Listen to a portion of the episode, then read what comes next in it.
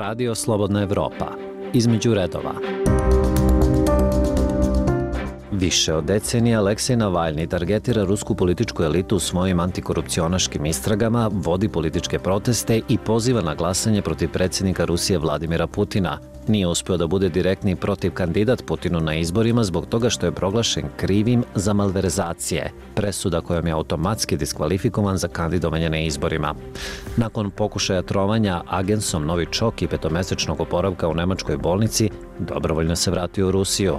Znao je šta ga očekuje po povratku, suđenje po kratkom postupku i zatvor. Organizacija antikorupcionaškog borca Navalnog stavljena je na federalnu crnu listu ekstremista, koja je zajedno sa mrežom aktivističkih grupa postala veliki izazov za vladu Vladimira Putina.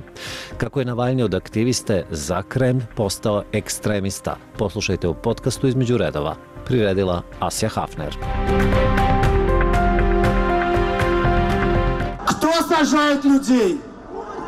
Кто сажает людей, чтобы красть? Stojeći ispred gomile na protestnom skupu u Moskvi 29. septembra 2019. godine, Aleksej Navalni pita okupljenu masu ljudi. Ko zatvara ljude? Ko zatvara ljude da on može da krade?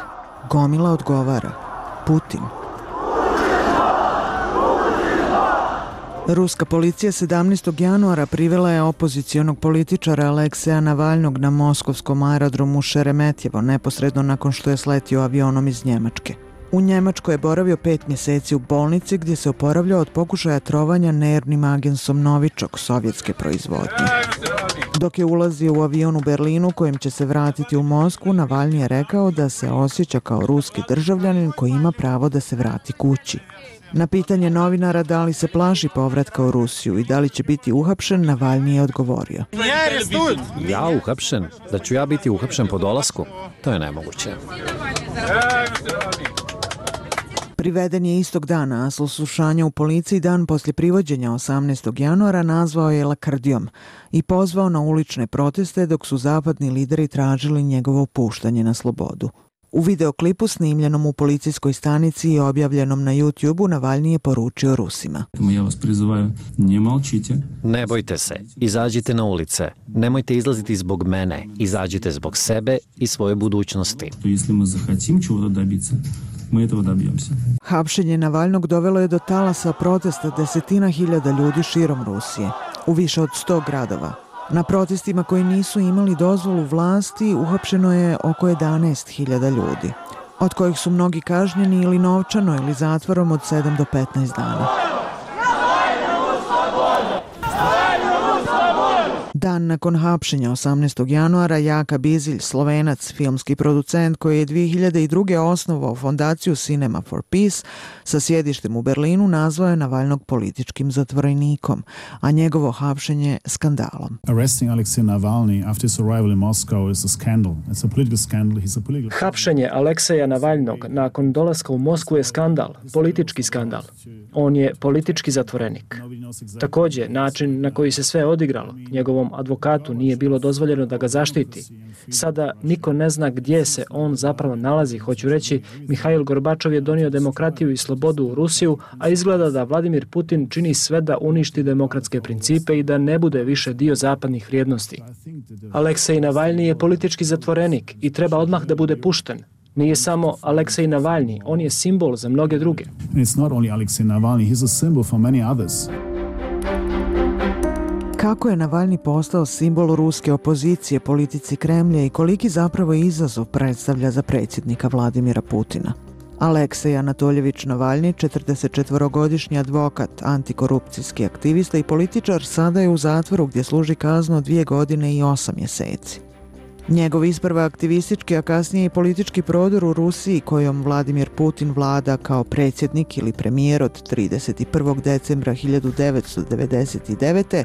krenuo je 2008. godine, kada je počeo da piše blog o navodnim zloupotrebama i korupciji u nekim od velikih državnih kompanija. Vlasti u Rusiji izbjegavaju da izgovaraju njegovo ime, već ga spominju kao onaj gospodin ili pacijent – Rijetko se pojavljuje u medijima pod kontrolom vlade. Izuzetak je bio kada je 2020. spomenut u jednoj emisiji kao bloger. Putin je tokom više od 20 godina vlasti na funkciji predsjednika ili premijera proširio državnu kontrolu nad medijima, uključujući i nacionalnu televiziju, gušeći njihov rad i pretvarajući ih u glasnike Kremlja. Upravo je svojim videima koje objavljuje na nezavisnom YouTube kanalu Navalni pridobio milionsku publiku. 50-minutni video Ne zovi ga Dima istraživao je bogatstvo premijera Dmitrija Medvedeva, koji je sebe predstavljao kao političara više sklonog liberalnim vrijednostima i borca protiv korupcije. Objavljen u martu 2017. video je odmah imao 35 miliona pregleda, što je ekvivalentno četvrtini ruskog stanovništva. Ipak, najgledaniji video je onaj koji je izašao nakon hapšenja i zatvaranja Navalnog po povratku u Rusiju. Palata za Putina priča o najvećem podmićivanju. Video u trajanju od dva sata Fondacije za borbu protiv korupcije objavljen je 19. januara. Detaljno prikazuje rezidencijalni kompleks na Crnomorskoj obali vrijedan 1,35 milijardi dolara – koji je navodno izgrađen kako bi ga koristio predsjednik Vladimir Putin. Navalni je u videu koji je snimio iz Berlina najavljujući da se vraća u Rusiju u objavljivanju videa Putinova palata rekao Привет, это Навальный. И это расследование мы Zdravo, ja sam Navalni. Ovu istragu smo vodili dok sam bio na intenzivnoj nezi, ali odmah smo se složili da ćemo ga pustiti kada se vratim kući u Rusiju, u Mosku, zato što ne želimo da glavni lik ovog filma misli da se plašimo i da ću ja o njegovim najvećim tajnama govoriti dok sam u inostranstvu. I što ja budu рассказывать o его samom strašnom секрете, находясь за границей. Navalni je tokom svoje desetogodišnje antikorupcijske kampanje i političke aktivnosti privukao veliki broj pristalica. Organizovao je i poticao velike proteste i skupove širom zemlje. Mnogi od ovih skupova bili su bez dozvole vlasti, što je po Navalnog imalo posljedice. Jedno hapšenje za drugim. Početkom 2010-ih suočio se sa brojnim sudskim procesima pokrenutih protiv njega. Najpoznatiji su slučajevi Kirov Lesa i slučaj Ivro Šer. U oba slučaja Evropski sud za ljudska prava presudio je korist Navalnog. Evropski sud je prepoznao da su to bili i politički motivisani procesi i hapšenja. To nije važno samo za mene, već i za sve ljude koji se hapse širom Rusije svaki dan. Više od deset puta je bio u zatvoru. Od 2011. proveo je 228 dana u zatvoru, 352 dana u kućnom pritvoru. Odslužio 112 mjeseci uslovnih zatvorskih kazni. Prvi put je uhapšen 2011. godine, tada je proveo 15 dana u zatvoru. Na svom blogu je pozivao da se na parlamentarnim izborima glasa protiv jedinstvene Rusije, koju je nazvao strankom lopova i protuva, izraz koji jedinstvenu Rusiju prati do danas. Jedinstvena Rusija je pobjedila na tim izborima, ali počelo se govoriti o krađi glasova što je dovelo do velikih protesta širom Rusije. Navalni je uhapšen 5. decembra, ali odmah po izlasku iz zatvora 24. decembra govorio na velikom mitingu u Moskvi pred skoro 120.000 ljudi. Mi znajem što vam budem делать. Мы будем выходить на улицы до тех пор, пока не вернут нам то, что принадлежит нам. Navalnom je 2018. zabranjena kandidatura jer je pred ruskim sudom proglašen krivim za malverzacije, presuda kojom je automatski diskvalifikovan. On je više puta oštro negirao optužbe rekavši da iza njih stoji Kremlj, kojem smetaju oštre kritike. Sa Fondom za borbu protiv korupcije bio je glavni pokretač masovnih protesta održanih 2017. i 2018. godine u Rusiji. Po povratku u Rusiju sa liječenja u Njemačkoj u januaru isprva je osuđena tri i po godine zatvora, nakon sudske odluke da je prethodno prekršio uslovnu kaznu. Ali je istaknuto da će mu zatvorska kazna biti umanjena za period koji je proveo u kućnom pritvoru. Moskovski sud je donio presudu na osnovu zahtjeva ruskih vlasti da uslovna kazna na Valjnom iz decembra 2014. godine bude preinačena u zatvorsku, jer se nije na vrijeme javio nadležnom organu. Navalni je 2014. osuđen na 3,5 godine zatvora, uslovno na 6 godina za prevaru i pranje novca. Nekoliko dana prije isteka tog perioda vlasti su Navalnom dale rok od 24 sata da se javi nadležnom organu. Navalni i njegovi advokati navode da nije mogao da se javi u tom roku, jer se tada još oporavljao u Njemačkoj otrovanje. U sibirskom gradu Barnaulu 2017. gdje je došao da otvori kancelariju za svoju kampanju pred predsjedničke izbore 2018. bio je napadnut hemikalijom zeljonka, od kojemu je oštećen vid na jednom oku, a lice je bilo ofarbano zelenom bojom i sa zelenim licem snimio je video u kojem je rekao Sve što želim reći je ovo. Krem može da misli da neću snimiti video sa zelenim licem, ali hoću, jer će biti još i više pregleda. Ne mogu da me zaustave. Nakon hapšenja na aerodromu i povratka iz Njemačke, iz moskovskog pritvora Matroska Jatišina prebačen je u zatvor u gradiću Pokrovu, regija Vladimir, stotinja kilometara istočno od Moskve, u popravnu koloniju broj 2, poznatu kao jednu od najtežih kaznionica u Rusiji. Navalnji je 31. marta stupio u štrajk glađu. Tražio je da dobije odgovarajući medicinski tretman zbog jakih bolova u leđima i utrnulosti koju je osjećao u nogama. Proglasio sam štrajk glađu jer zahtevam da se poštuje zakon i da se dozvoli poseta lekara koga izaberem. Rekao je Navalni na Instagramu u postu koji su objavili njegovi advokati.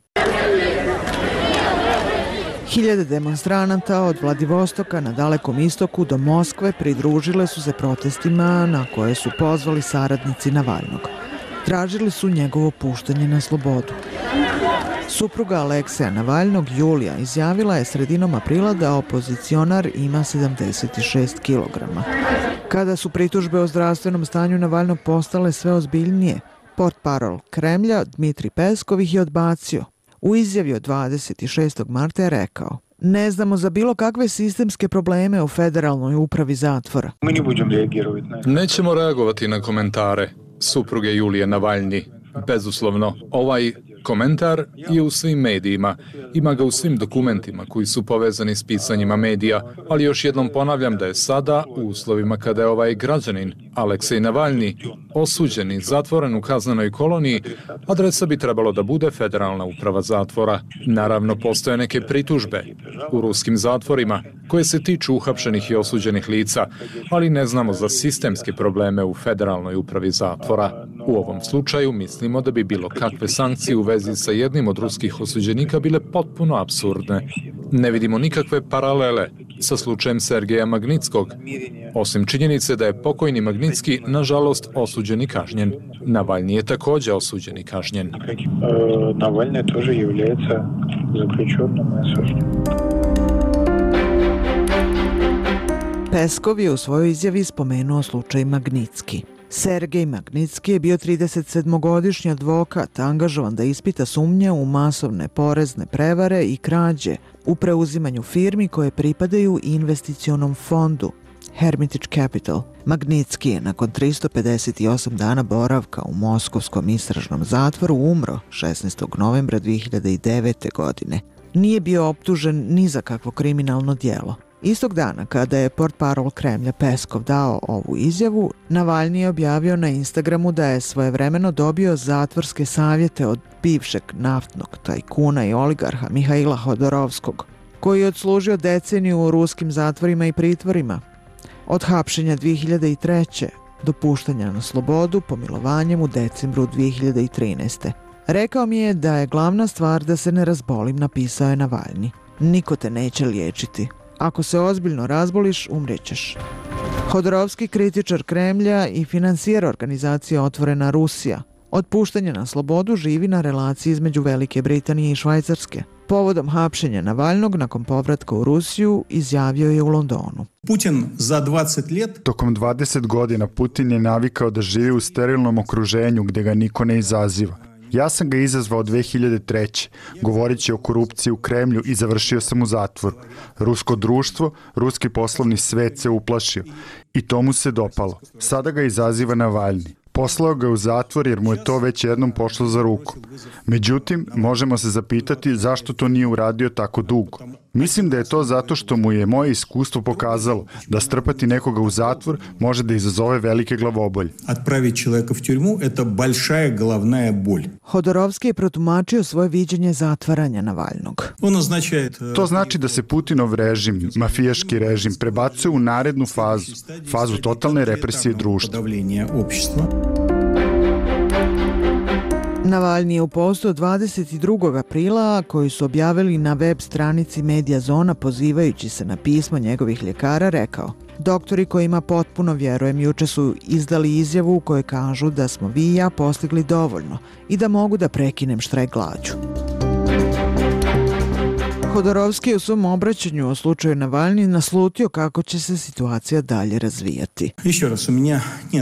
Dobije kaznu od dve i po godine koja od uslovne prelazi u zatvorsku. Nakon toga dolazi naredni krivični slučaj, već pripremljene od strane istražnog komiteta koji može kao rezultat imati da dobije kaznu od 10 godina.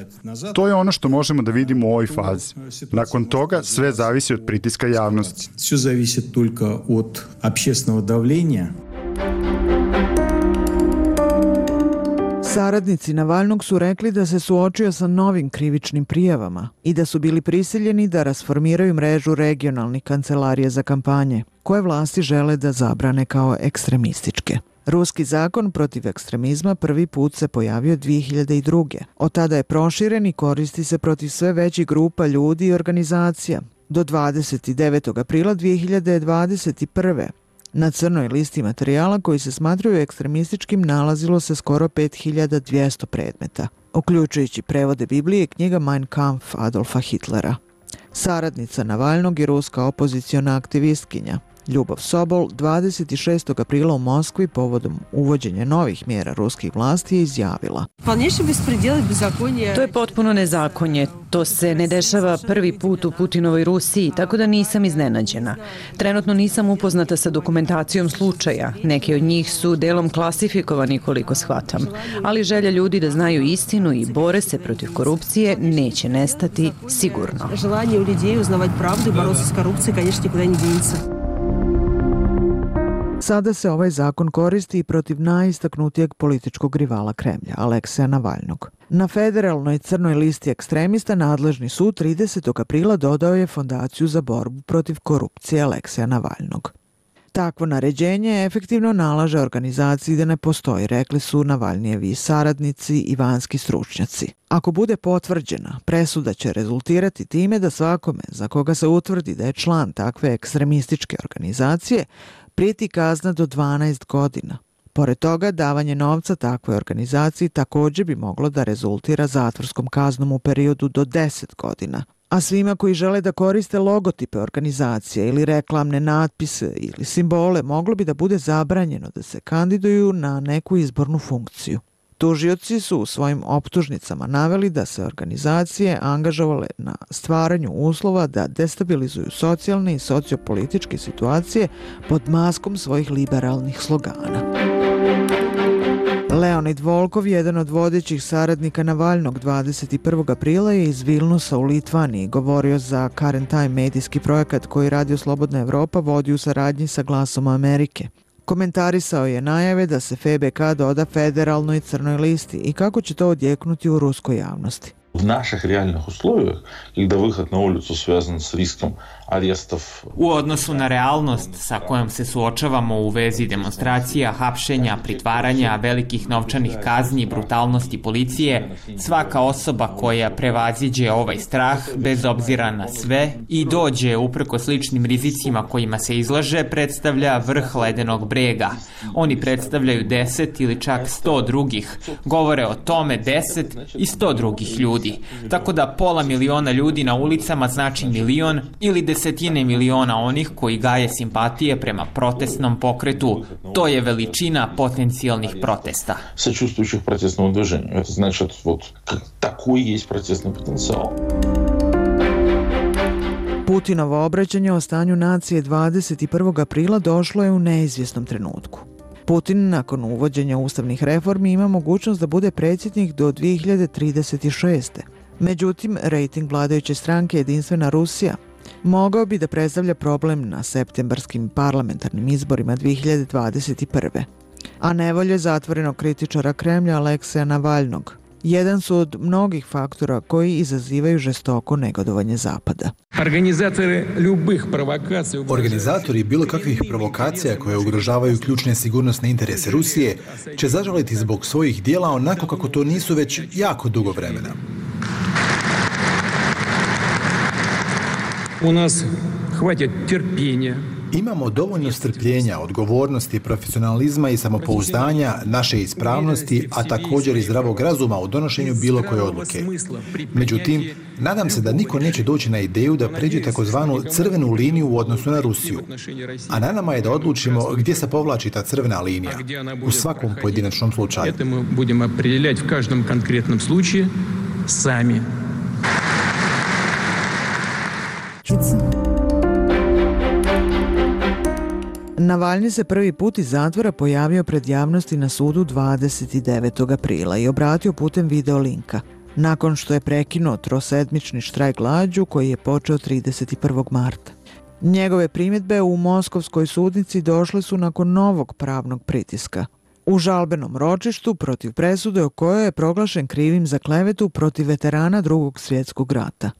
Navalni je nesmanjenom žestinom kritikovao Putina, rekavši car je go, i Ruse su pretvorili u robove. Milioni ljudi već glasno govore o tome jer je to već sasvim očigledno. Ovih 20 godina potpuno nesposobnog upravljanja doveli su do takvog rezultata. Krunamo pada preko ušiju. Na televizijama su tone laži. Postoji naravno ogromno lično bogatstvo. Potrošili smo milijarde dolara prihoda od nafte i plina, a naša zemlja nastavlja da ostaje i propada svake godine. Nije iznenađujuće što su se svi poznati ekonomisti ruskog porekla ujedinili i pišu pisma u kojima govore da bi posljednje godine trebalo nazvati izgubljenim decenijama. I tako je. Zapravo, ne trebaju mi ekonomisti da to shvatim. Для сознания этого и всем остальным, никакие экономисты даже U Moskvi su 21. aprila održani protesti podrške Navalnom. Rasija bez Putina! Rasija bez Putina! Raz, dva, tri! Putin uhadi! Raz, dva, tri! Putin uhadi! Ruski ministar vanjskih poslova Sergej Lavrov komentarišući proteste rekao je da su iskreirani kako bi odvukli građane od lokalnih problema, a da je slučaj Navalni dobio umjetni odjek na zapadu, i da je Moskva mirna u pogledu toga da on može narušiti imidž njene politike. Definitivno ćemo reagovati. Niko nije odkazao pravila diplomatije, a jedno od pravila diplomatije jeste reciprocitet. Sad ništa posebno ne postoji što bismo mogli komentirati. Već smo više puta izrazili svoj stav o nezakonitim jednostranim sankcijama kojima pribegavaju američke kolege, a Europska unija slijedi njihov primjer s razlogom ili bez razloga. Radi je bez razloga, praktično je uvijek tako kako ništa ne mogu da pokažu da bi barem na neki način opravdali svoje tvrdnje o trovanju Navalnog, kad svi oni koji su ga liječili pedantno sakrivaju činjenice koje bi pomogle da se shvati šta mu se zapravo dogodilo i kada paralelno umjesto da iskreno surađuju, a ne dvosmisleno, oni biraju da nas kazne, kako oni misle. To nije na čast onima koji usvajaju takve odluke. Ali što se tiče odgovora, mi ćemo definitivno odgovoriti. Nikamu iz prenimajućih takvog roda rješenja. A ответить обязательно ответить. Kada je 19. avgusta 2020. godine vodio kampanju protiv glasanja za Putinovu političku partiju Jedinstvena Rusija na lokalnim i regionalnim izborima zakazanim za septembar, Navalnije u Sibiru snimao video u kojem je pomagao u okupljanju lokalnih pristalica i promociji svoje inicijative Pametno glasanje. Pametno glasanje je taktika koju nezadovoljnim glasačiva Navalnjeva politička organizacija u osnovi predstavlja popis kandidata koji su alternativa jedinstvenoj Rusiji. Razotkrivanje korupcije vodećih kandidata jedinstvene Rusije i pozivanje na pametno glasanje bila je svrha puta Navalnog u Sibir. Ako sam već počeo da putujem po gradovima u zemlji kako bih objavio rat protiv jedinstvene Rusije, jasno je da ovo mesto treba da bude jedno od prvih jer je posebno potrebno u ovom ratu. Hajde da nastavimo da igramo ovu zanimljivu igru. Ja ću vam reći kako je grad Tomsk organizovan, a vi ćete mi pomoći da to kažem svima. I tako ćemo 13. septembra svi za zajedno uništiti mrežu i poslati te poruke da gore u paklu uz pomoć pametnog glasanja. Rekao je Navalni u videu kojeg su 3. septembra objavili Navalnjevi saradnici, kada je Navalni već prebačen u njemačku bolnicu zbog sumnji da je otrovan. Naime, po povratku iz Tomska na letu za Moskvu, Navalnom je pozlilo u avionu. Pilot je preusmjerio let i neplanirano sletio u Omsk, također u Sibiru gdje su ga vozilom hitne pomoći prevezli u bolnicu. Njegovoj supruzi Juli isprava nije bilo dozvoljeno da ga vidi kada je pao u komu. Kao razlog odbijanja u bolnici su naveli da Julija nije imala vjenčani list te da nije dovoljan pasoš kao dokaz da žive u braku. Rekla je port parolka Navalnog Kira Jarmiš. Julija Navalnije je rekla da se sumnja na trovanje. Odbijaju da nam predaju Alekseja kako bi ga transportovali. Vjerujemo da očigledno se sve ovo radi kako bi se osiguralo da hemijska substanca koja je trenutno u Aleksejevom organizmu nestane. Zato odbijaju da nam ga predaju, kako se ne bi otkrili tragovi ove substance. On nije u dobrom stanju, a mi očigledno ne možemo da vjerujemo ovoj bolnici. Tražimo njegovo otpuštanje kako bi ga mogli liječiti u nezavisnoj bolnici sa doktorima kojima vjerujemo. Bolnici, vraćam, kojima vjerujemo. Navalnji je ipak 22. septembra prebačen u Njemačku, gde su ljekari potvrdili sumnje da je otrovan nervnim agensom Novičok, što je u izjavi potvrdila i kancelarka Angela Merkel. Aleksej Navalnji Aleksej Navalnji je žrtva napada hemijskim agensom iz grupe Novičok. Ovaj otrov može biti potvrđen bez ikakve sumnje laboratorijskim testiranjem. Aleksej Navalni je žrtva kriminala. Trebalo ga je učutkati. U ime cele nemačke vlade to najstrože osuđujem. Novičok na ruskom znači Novajlija. Ispada u grupu vojnih nervnih agensa koji su se proizvodili u Sovjetskom savezu tokom 70. i 80. godina 20. vijeka.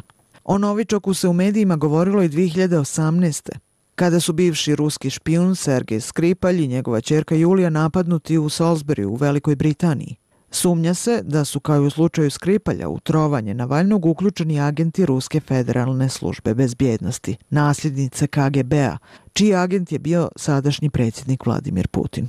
Kada je kasnije, nakon oporavka, opisivao trovanje Novičokom, Navalni je rekao Nekoliko ljudi me je pitalo kako je to biti otrovan Novičokom. Teško je to objasniti jer to nije iskustvo svakodnevnog života.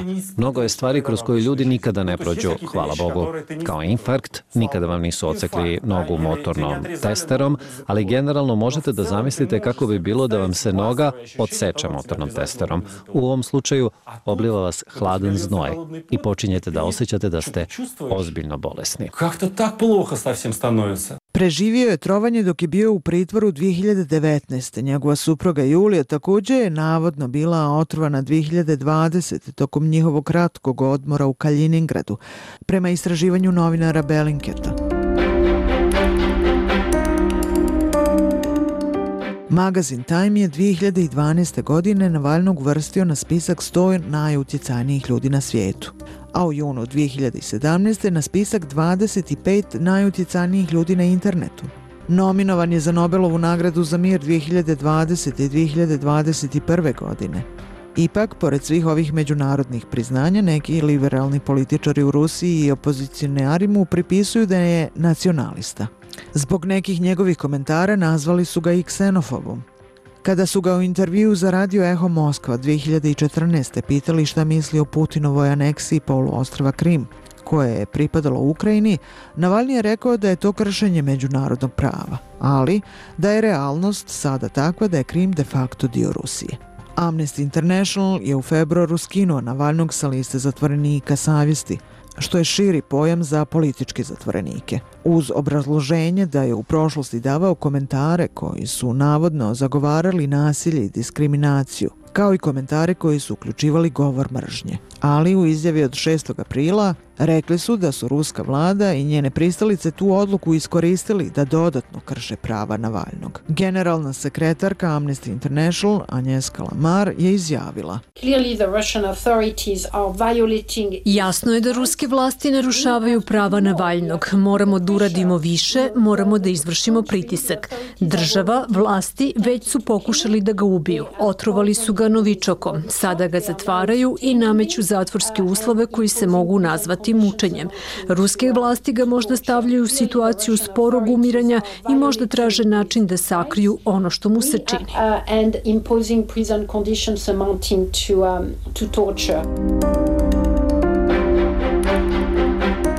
Istraživanja pokazuju da 20% Rusa podržava Navalnog, dok 50% ne. Navodno 18% nikada nije čulo za njega. Iako podaci istraživačkog centra Romir objavljeni na jesen 2020. govore da se Aleksej Navalni nalazi među top 5 javnih ličnosti kojima Rusi najviše vjeruju. Slušali ste Između redova podcast Radija Slobodna Evropa.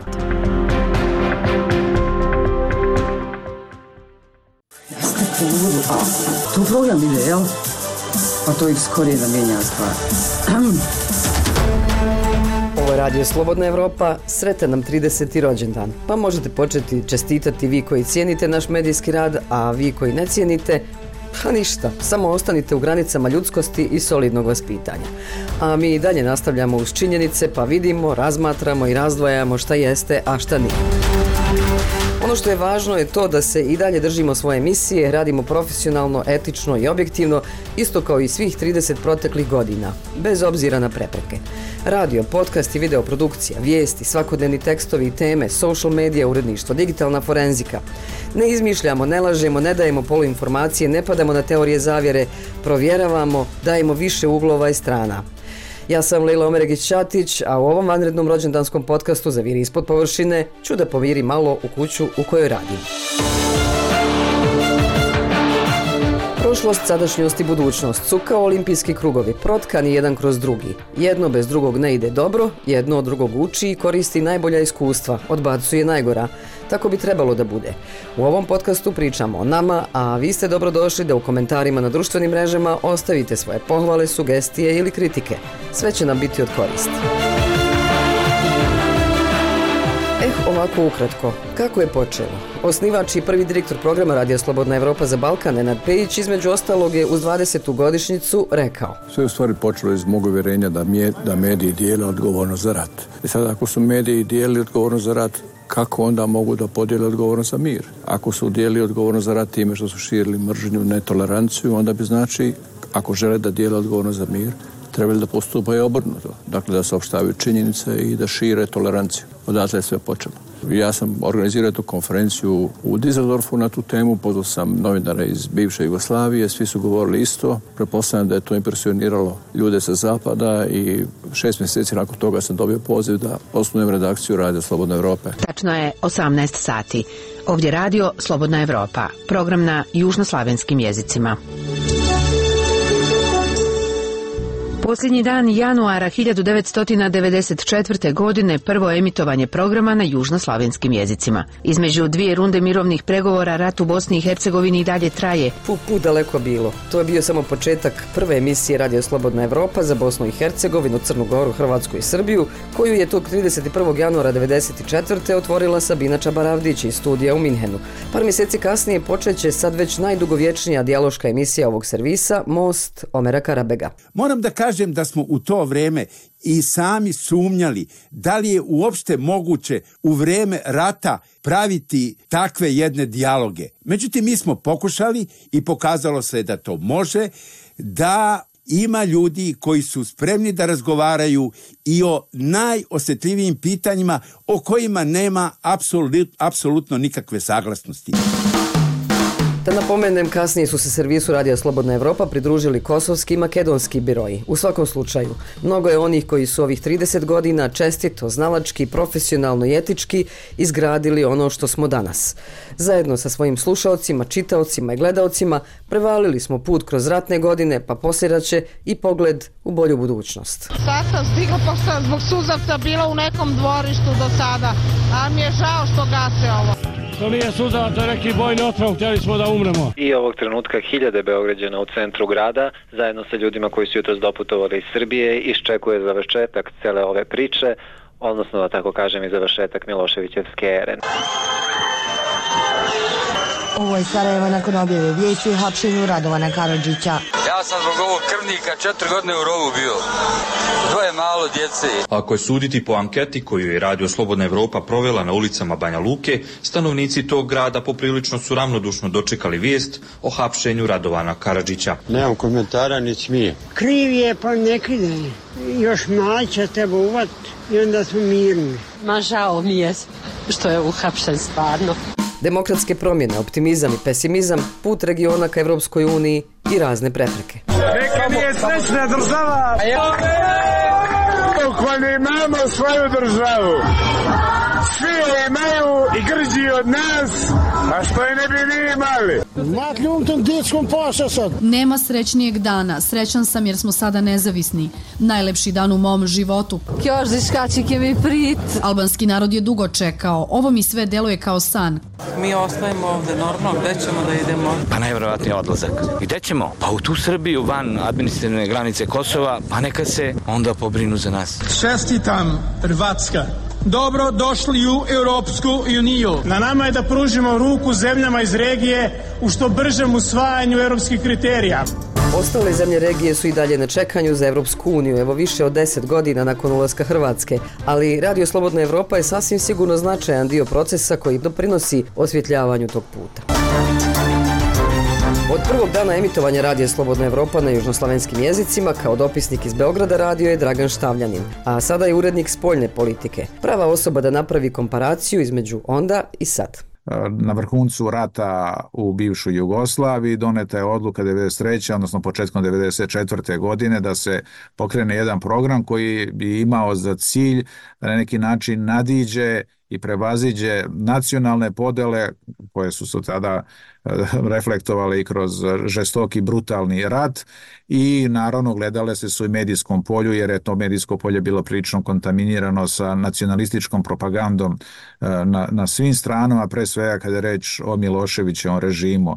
I tada je ključna uloga regionalnog programa Radija Slobodna Evropa da na neki način pravimo jedan program koji će pre svega pružiti ljudima objektivnu, kredibilnu i blagovremenu informaciju. I mi smo na osnovu reakcija mnogih ljudi i običnih i eksperata i stručnjaka, pa čak i oni koji nas nisu mnogo volili, Oni su sa uvažavanjem govorili o toj našoj ulozi i neki način može se reći da je vrhunac bio 99. godine u vreme NATO bombardovanja kada je e, noćni program radija Slobodna Evropa od ponoći do pola šest imao slušanost od 37 e, procenata, odnosno više od 2 miliona ljudi, a, dakle, slušali su nas i oni koji su tražili informaciju šta se dešava, u kom pravcu će se sve to dalje razvijati i u tom smislu je interesantan detalj da je Nebojša Pavković, general, komandant treće armije koja je pokrivala i Kosovo u vreme tog rata, kasnije je optužen pred Haškim tribunalom za ratne zločine. U svom ratnom dnevniku piše da je moral u vojci veoma nizak, da je glavni izvor informisanja ne samo običnim vojnicima,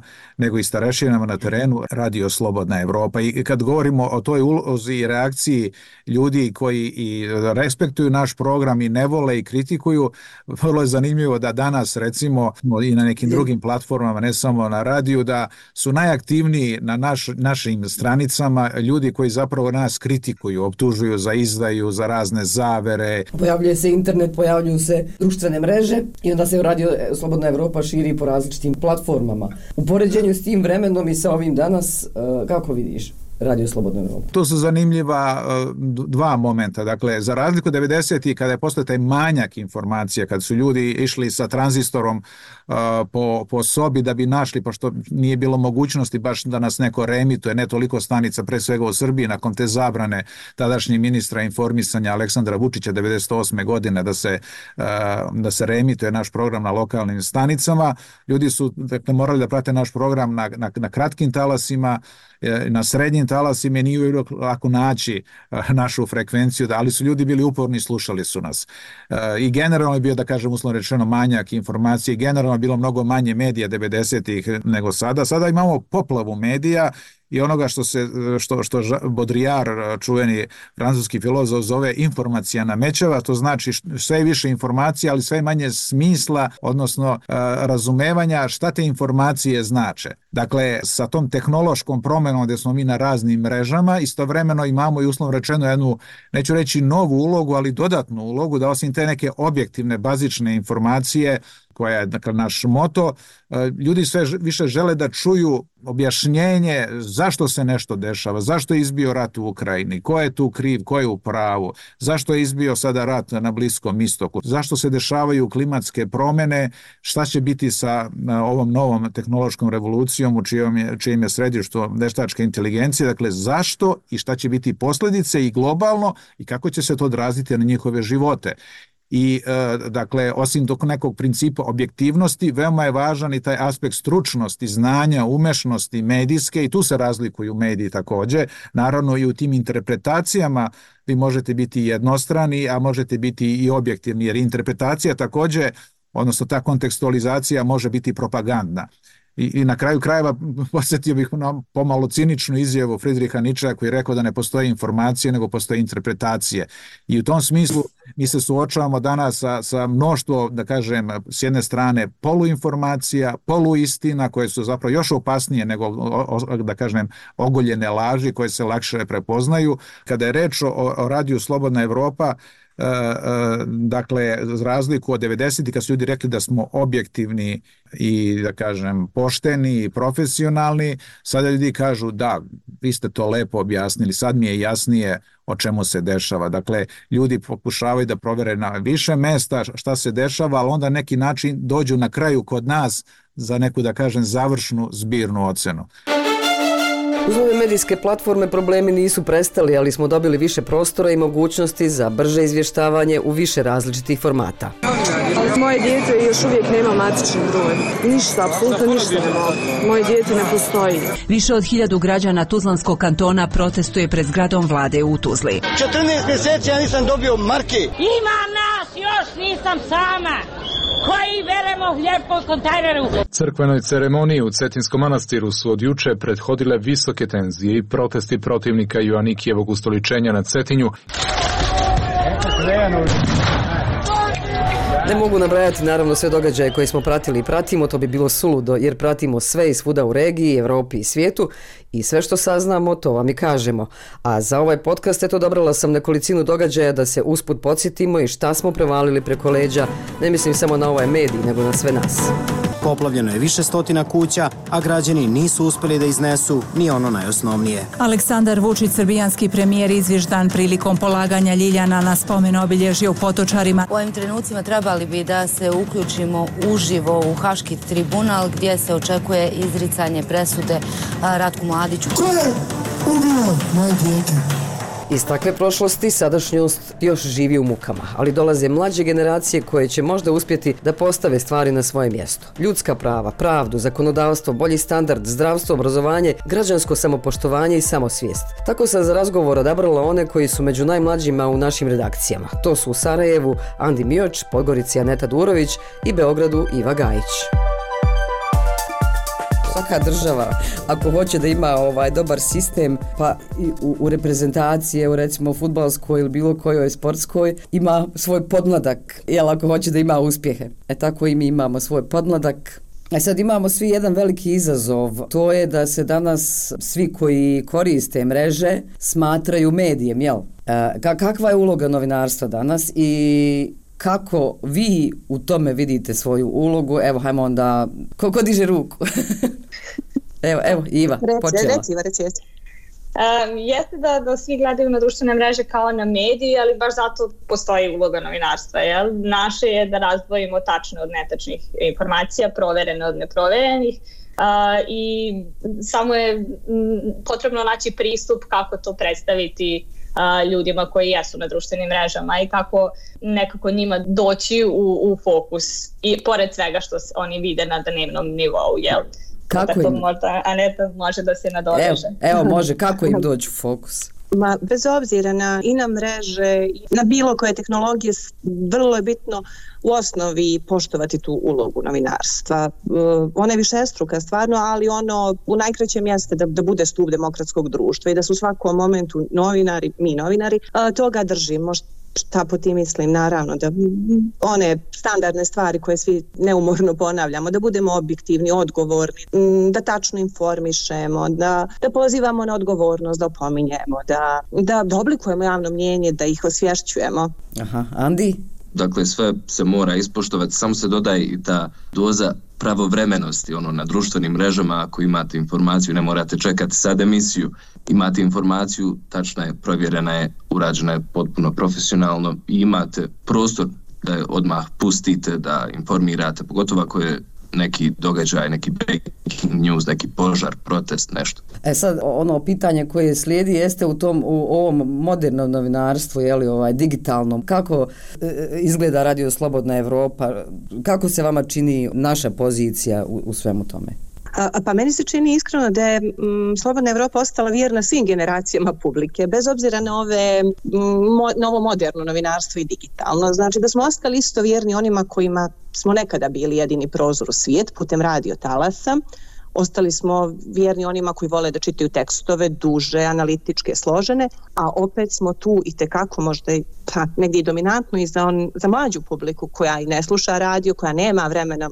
niti fokusa za te duge analize. E tu smo i na mrežama, i na, jeli, na YouTube-u, i na TikToku, na Instagramu, na Twitteru. Znači, čini mi se da smo odgovorili izazovima modernog novinarstva, odgovorili smo svim formama, a opet ostali onome manje modernom novinarstvu, tako kažem. Evo mogu ja da se nastavim. Da, mislim da zapravo idemo u dobrom smeru, da, da mi u posljednjih par godina dosta radimo na digitalizaciji i pravimo sadržaje koji su isključivo pravljeni za mreže, koje nekako ne prilagođavamo samo, nego pravimo videe koji su samo, na primjer, za TikTok pravljeni. Evo, mogu da dam primjer Andija i, i Matjera iz Sarajeva koji sjajno to rade, koji bukvalno predstavljaju um, neki prozor u rad uh, Slobodne Evrope. Kako izgleda razgovor između dva novinara, kako uh, nastaje uh, tekst uh, koji nadalje ide na sajt Slobodne Evrope. Mislim da to ljudima, odnosno našoj publici na društvenim mrežima jako prija.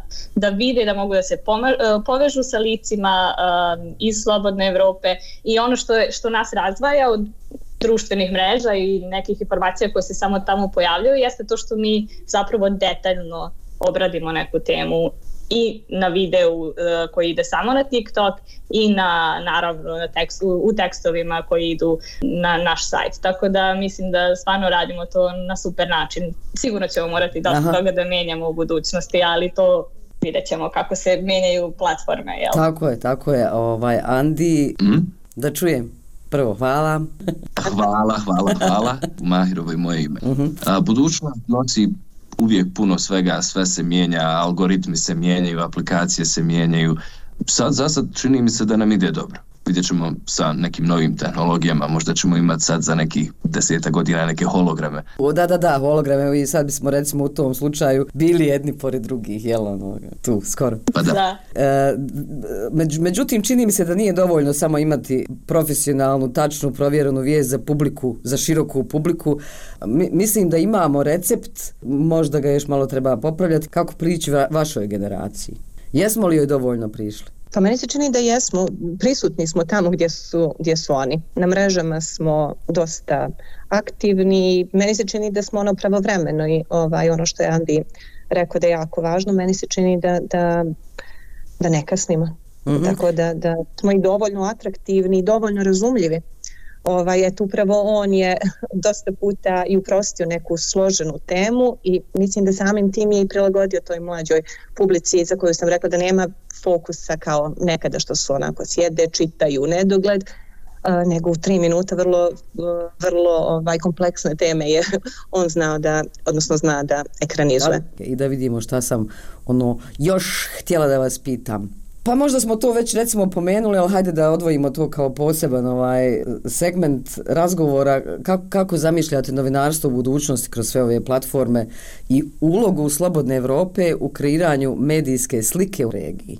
Ja iskreno mislim da je uloga Slobodne Evrope ista kao što je bila jeli, pre 30 godina, da promovišemo demokratske vrednosti. I sad da li ćemo to raditi na e, TikToku, Instagramu ili na našem sajtu ili na radiju, podcastima, to je sad potpuno nebitno, važno je da promovišemo um, ljudska prava i da težimo ka nekoj demokratiji, jer samim tim što pričamo o problemima zajednica, um, mislim da, da, da onda to već znači da radimo dobar posao. Da, da, zato što pa u radu dosta medija u svima država regiona se vidi, ajde da kažemo, opterećenost, neobjektivnost, neuravnoteženost zauzimaju strane. E sad, ja često to i ponosno ističem da RSE jeste jedan od medija koji odudara od toga i da smo u radu, vodimo se činjenicama, istinom, pa možda nekad i neki kad ne misle tako, razgraničuje to lično od profesionalnog. E sad kad pitaš za ulogu RS u kreiranju medijske slike u regionu,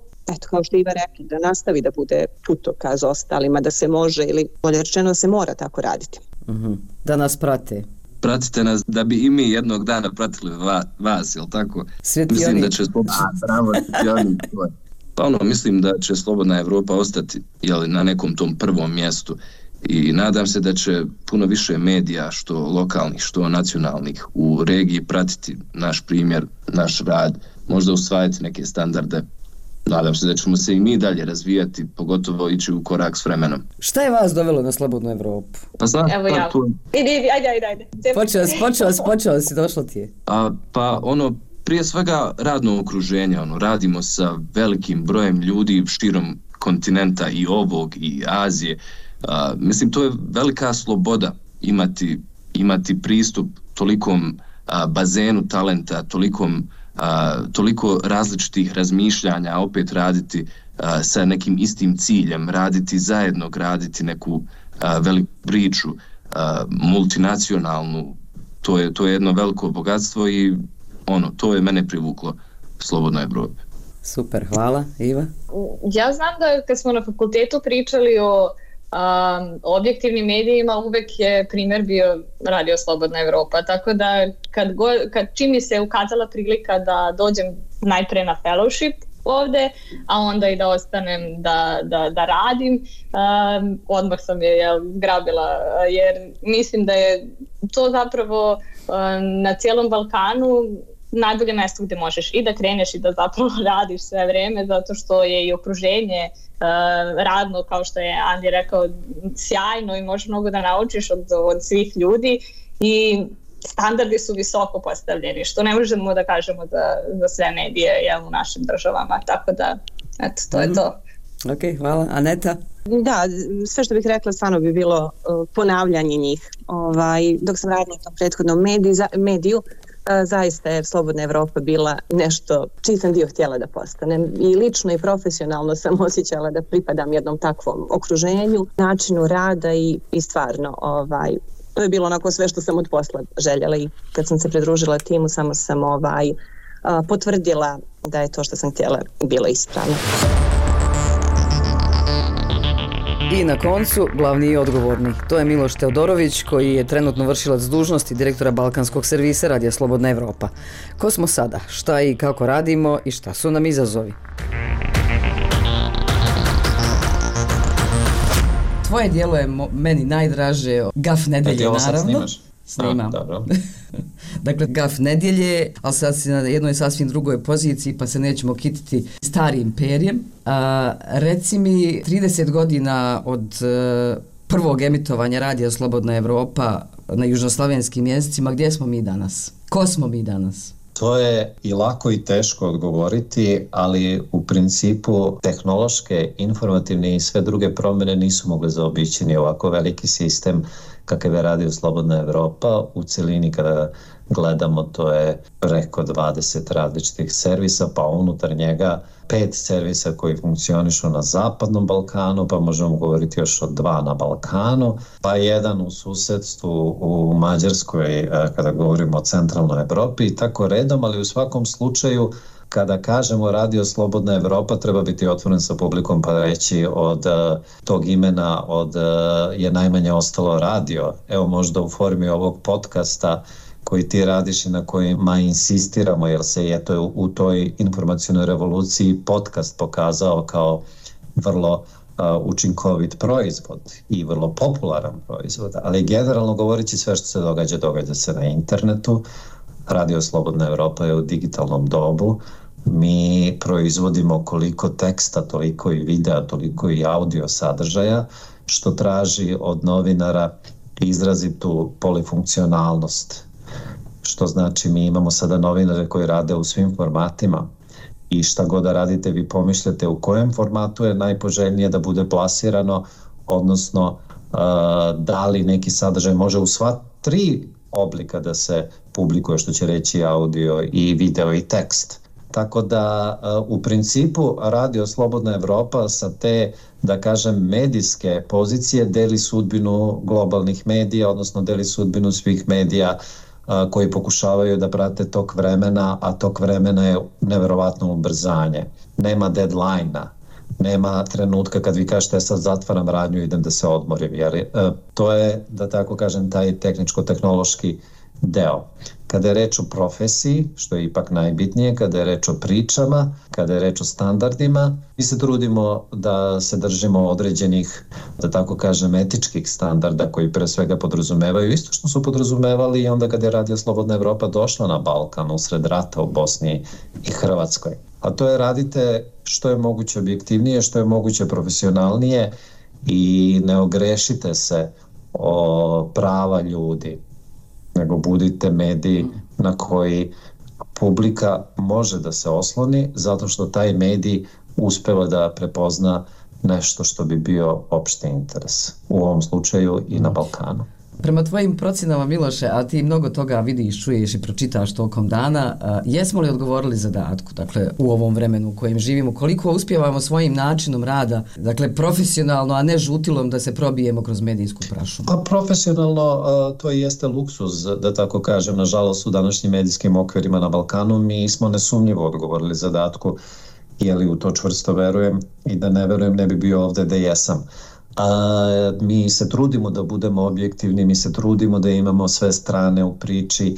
E sad, e, mi nismo krivi što smo limitirani, jer ono što je fenomen e, društava koje imamo na Balkanu, ali ne samo na Balkanu, s njim se suočavaju kolege u mnogim drugim servisima manje više radikalno, jeste da e, relevantni sagovornici iz institucija primenjuju najsubtilniji mehanizam cenzure, a to je ignorisanje, odnosno odluka da ne daju informacije što im je zapravo u opisu radnog mesta.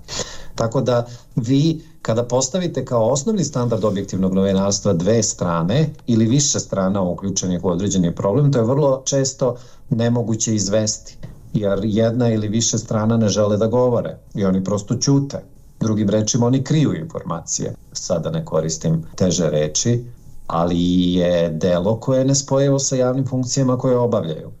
U svakom slučaju da se vratim Leila na tvoje pitanje, da, ja sam uveren da Slobodna Evropa jeste mesto da se mogu naći objektivne, profesionalne informacije oslonjene na činjenice koje niti tabloidiziraju stvarnost, niti preuveličavaju događaj, niti ga umanjuju, nego se drže činjenica i to je u ovom medijskom intenzivnom prostoru kakav mi danas imamo na sve strane jako teško, jer to jeste i absurd vremena. Vi s jedne strane imate hiljade i milione izvora, ali je jako teško pročitati šta su činjenice. E, to je ta avantura u kojoj smo mi trenutno pronaći i identifikovati činjenice. I to se pokazuje kao težak zadatak. Mm -hmm. I dobrodošli čitatelji, gledatelji i slušatelji na činjenice, ukoliko to želi. Parafrazirat ću prosta. Činjenice malo znače svesti koje veruje. Ljudi jako često uh, u nešto veruju i činjenice ih ne obavezuju. I ja mislim da je to najveća bitka vremena u kojem živimo. Jer je toliko najrazličitih narativa na sve strane, a mi smo, kada govorimo o ovoj našoj kući u kojoj ti i ja radimo, a sad već poprilično dugo, u trci da te narative svedemo na meru činjenicama. A nije da ne bismo češće voljeli pričati o ljepšim stvarima, iako ima i takvih mnogo. Poslušajte naše podcaste za viri ispod površine, glasom mladih između redova, mozaik života, pa ćete vidjeti da ima lijepih, smiješnih, istraživačkih priča sa raznim ljudima o raznim temama koje nas se tiču. Osim toga, tu je i dnevni podcast Šta ima, pa ćete i tu naći izbor dnevnih privlačnih događaja za taj dan. Pogledajte naše priče koje svakodnevno izlaze iz videoprodukcije, koje se bave svim mogućim temama koje trebaju i moraju da dođu do javnosti, društveno-političko-ekonomske, čija se problematika direktno odražava na sve nas. Tekstovi sa najvažnijim i složenim temama iz više uglova i sa više sagovornika o jednom problemu ili situaciji, te naravno najvažnije vijesti dana. Pa onda infografike ako hoćete da brzinu da stvari sagledate kroz jednostavnu statistiku. A da sve brže dopre do vas u kraćoj i primamljivoj formi, potrudi se ekipa zadužena za društvene mreže. I na kraju pitam se da li da vas upozorim na ono što je kolega Štavljanin ispričao ili ne. Malo mi kod crnjak, ali hajde, što da ne. Takva su nam vremena u kojima živimo. Ne zna se hoćemo li se za koju godinu voziti letećim automobilima ili ćemo u pećine. I možda e, za kraj oko radija koji je i dalje u našem naslovu, dakle radio kao medij, neću reći da gubi popularnost, ali on doživljava, da kažem, neku svoju novu ulogu kroz podcaste. Admiral Bauer, šef vojno-političkog komiteta NATO-a, pre neki dan je govorići o, u svetlu potencijalne opasnosti da se rat u Ukrajini proširi i dalje na Evropu, rekao je da svi ljudi treba da razmisle o tri stvari koje treba da imaju, a to je dovoljno vode za prvi 36 sati, da imaju svetiljku na, na baterije i da imaju radio na baterije, odnosno tranzistor. Nadam se ipak da ćemo radije ka letećim automobilima i hologramima. I nemojte lutati kroz bespuća interneta, posjetite svaki dan slobodnaevropa.org. To je dom, zbirno mjesto za sve informacije i priče o kojima se treba znati, a tačne i provjerene. Ja sam Lejla Omeragić-Ćatić i pozdravljam vas u ime svih nas. Ćao!